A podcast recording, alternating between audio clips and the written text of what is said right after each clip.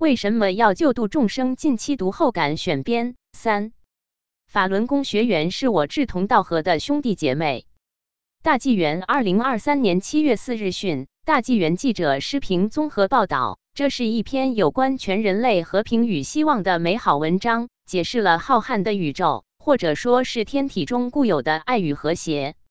署名为林布莱尔的读者写道：“我认为法轮功学员是我志同道合的兄弟姐妹。”法轮功创始人李洪志大师在大纪元上发表的第二篇文章《为什么要救度众生》，引起了不同宗教读者们的深刻思考。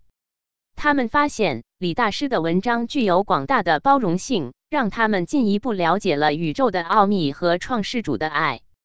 法轮功学员是我志同道合的兄弟姐妹。地球上的主要宗教都有共同的原则：爱、宽恕、真理。善良、和平和希望。这篇文章非常具有包容性，没有遗漏任何一个有灵性的人。布莱尔继续写道：“文章中包含了这样的理解：我们在物质存在的层面上经历着一段旅程，但我们并不是物质的。”他说：“虽然他是一名基督徒，但他意识到他特别认同法轮功的原则：真、善、忍。法轮功追随者有爱心。”同情心、善心、宽恕心，因此他们与中共相反。中共自负、霸道、残酷，注重物质。他说，法轮功因说出真相而受到迫害，就像基督一样。然而，在精神层面上，真理会让你自由。我认为法轮功学员是我志同道合的兄弟姐妹。了解人类为何来到这里。一名署名克里斯蒂安娜的读者坦诚，他曾经不相信上帝的存在，认为那是一个谎言。但是看了李大师的这篇文章之后，他真正理解了很多事情。我现在已经理解了“我们是由泥土造的”的含义。人们都是一样的，由同样的物质组成，生活在宇宙的垃圾场。他写道：“我已经意识到。”我们出生在这里是为了帮助宇宙不被销毁、不被瓦解。那些作为人类出生在这里的神灵，能够回到他们的层次，去到更纯净、更好的地方，也就是创世主目前正在创造的地方。但要去那里，我们必须经过历练。我们在这个环境中被创造出来，因为这是偿还我们业力的最好地方。我们只有通过偿还业力，才能得到拯救。创世主确实爱我们。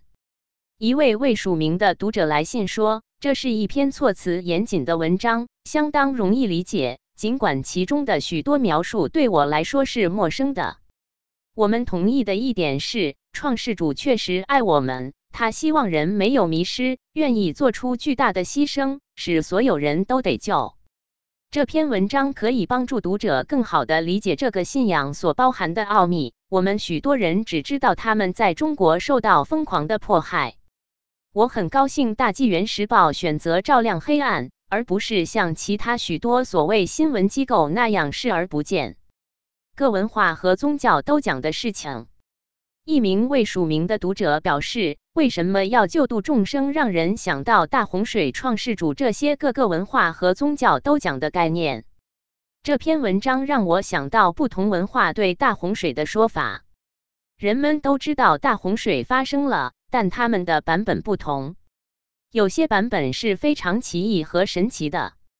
另一位署名迈克尔特纳的读者是一名终身基督徒。他认为这篇文章的内容与犹太、基督教神学和信仰精神非常吻合。这些内容也反映了基督教的一些关键神学观点，特别是那些涉及创世主对人类的爱、个人牺牲和救赎的内容。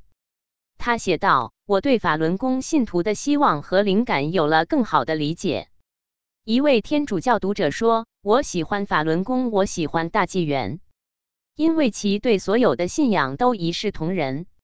这位读者说：“我常常看到法轮功和基督教之间的共同点。法轮功修炼者是好人，我为他们遭受的迫害而痛心。我认为法轮功及法轮功的传统和原则与基督教非常相似，这一点很好，很令人高兴。我很想看到这两者的结合。”法轮功是值得称颂的。